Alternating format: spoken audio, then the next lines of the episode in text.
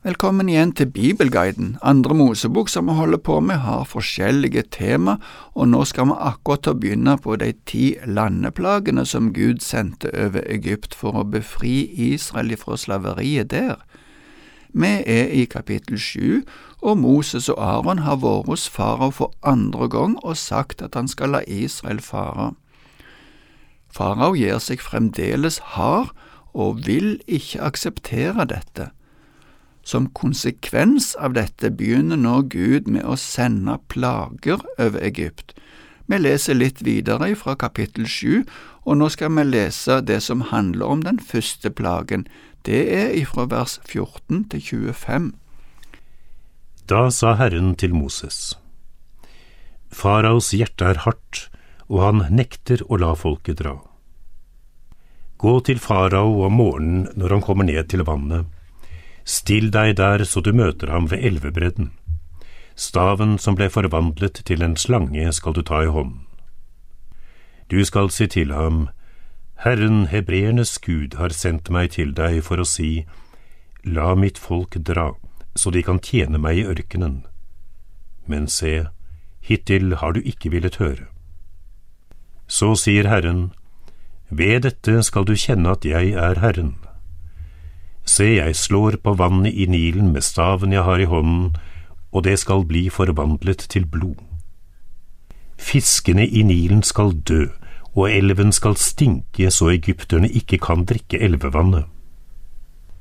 Herren sa til Moses, Si til Aron, ta staven din og rekk hånden ut over vannet i Egypt, over elvene og kanalene og innsjøene, over alle vannmagasinene, så skal vannet bli til blod og det skal være blod i hele Egypt, selv i trekar og steinkar.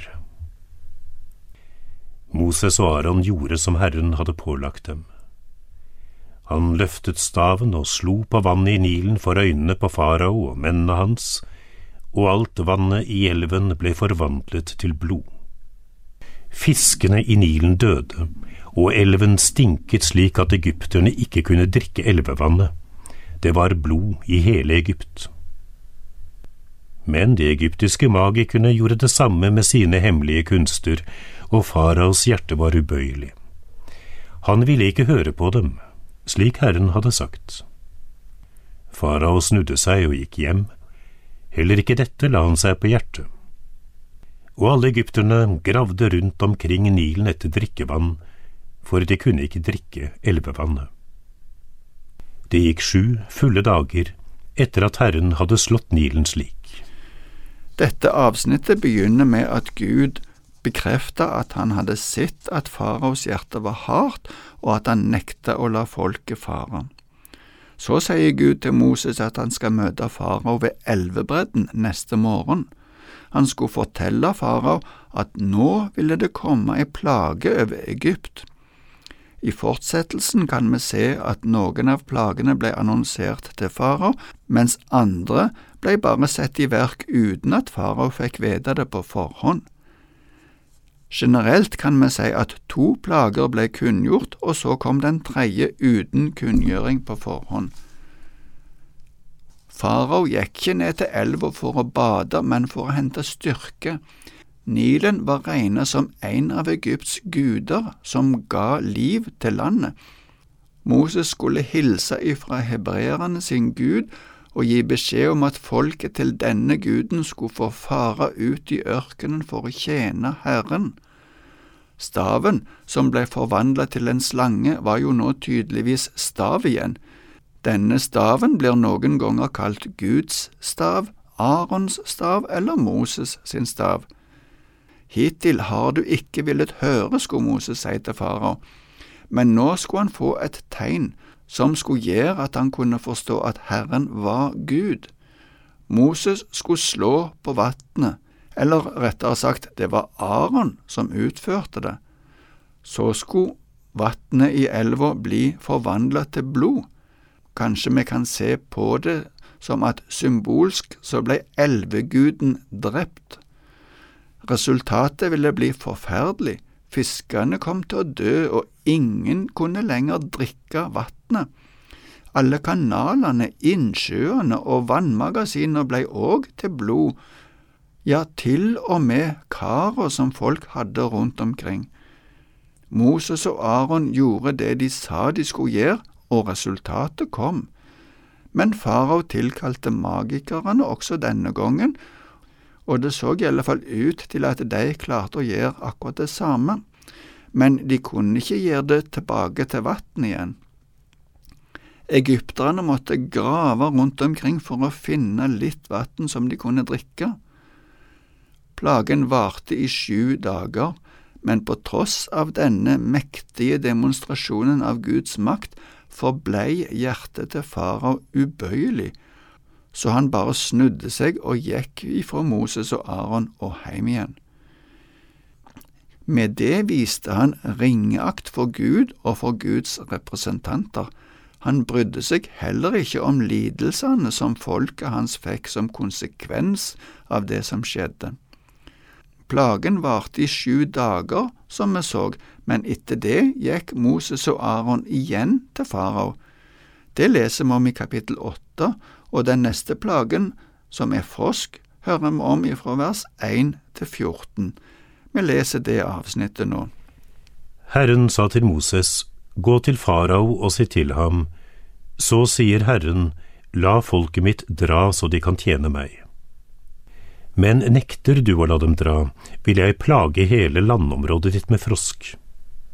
Nilen skal vrimle av frosk. De skal kravle opp og komme inn i huset ditt, inn i soverommet ditt og opp i sengen din, inn i huset til tjenerne dine og til folket ditt, i bakerovner og baksetrau. Froskene skal kravle opp på deg, på folket ditt og på alle tjenerne dine. Herren sa til Moses, si til Aron, løft hånden og rekk staven din ut over elvene og kanalene og innsjøene, la froskene komme over Egypt. Og Aron rakte hånden ut over vannet i Egypt, og froskene kravlet opp og dekket landet. Men magikerne gjorde det samme med sine hemmelige kunster. De fikk froskene til å komme over Egypt. Farao kalte Moses og Aron til seg og sa, Gå i forbønn hos Herren, så han tar bort froskene fra meg og folket mitt. Da vil jeg la folket dra så de kan ofre til Herren. Moses sa til farao, Du skal få æren av å bestemme hvor lenge jeg skal gå i forbønn for deg og tjenerne dine og folket ditt for å få fjernet froskene fra deg og dine hus. Bare i Nilen skal det bli frosker igjen. Han sa, Til i morgen. Da sa Moses, Det skal bli som du har sagt, for du skal kjenne at ingen er som Herren vår Gud. Froskene skal bli borte fra deg og husene dine og tjenerne dine og folket ditt, bare i Nilen skal froskene bli igjen. Så gikk Moses og Aron ut fra farao. Og Moses ropte til Herren på grunn av froskene som han hadde sendt mot farao. Herren gjorde slik Moses hadde sagt, og froskene døde i husene, på gårdsplassene og ute på markene. De ble kastet sammen i dynge etter dynge, og hele landet stinket. Men da farao merket at stanken lettet, gjorde han hjertet sitt hardt og hørte ikke på dem, akkurat slik Herren hadde sagt. Beskjeden til farao var den samme som før, en hilsen fra Herren om at farao skulle la Guds folk fare så de kunne tjene Gud. Hvis han nekta, ville han denne gangen få en mengde med frosk som en konsekvens. Frosk i moderate mengder regnes for å være et tegn på liv, fornyelse og lykke, men nå ble froskene til et skadedyr. Arons stav var ikke en tryllestav slik muligens magikerne sine staver kunne være, men magikerne gjorde òg sine kunster og klarte å få fram frosker. Vi vet ikke noe om hvordan eller i hvor stor grad de gjorde dette, men det var tydeligvis nok til at farao tenkte på dette som et knep. Men etter ei stund ser han at froskene blir plagsomme, og magikerne hans klarer ikke å få det bort. Dermed kaller farao på Moses og Aron for å få de til å fjerne froskene. Det ordet som er oversatt med gå i forbønn, kan òg oversettes med å trygle. Farao ville at Moses skulle trygle, be innstendig til Gud om å ta bort froskene. Med det innrømmer han at Moses sin Gud er større enn hans guder, eller i alle fall når det gjaldt denne plagen. Moses gir farao tilbud om å si når denne plagen skal opphøre, og han sier i morgen. Det, sier Moses, er greit, og ifra neste morgen skal froskene bare være der de pleier å være. Moses sier at slik skal farao forstå at ingen er som Herren vår Gud. Israels Gud blir dermed sammenlignet med alle egypterne sine guder. Det ble et opprydningsarbeid etter denne plagen, og når farao oppdaga at plagen var over, eller at stanken letta, som det står, fortsatte han med å gjøre hjertet sitt hardt. Kanskje det er noen òg i vår tid som tenker på Gud når det blir vanskelig, men når problemene går over, vender de seg igjen bort ifra Gud. Jeg håper ikke du er en av deg, men nå må vi slutte for i dag. Vi ser videre på plagene neste gang. Takk for i dag.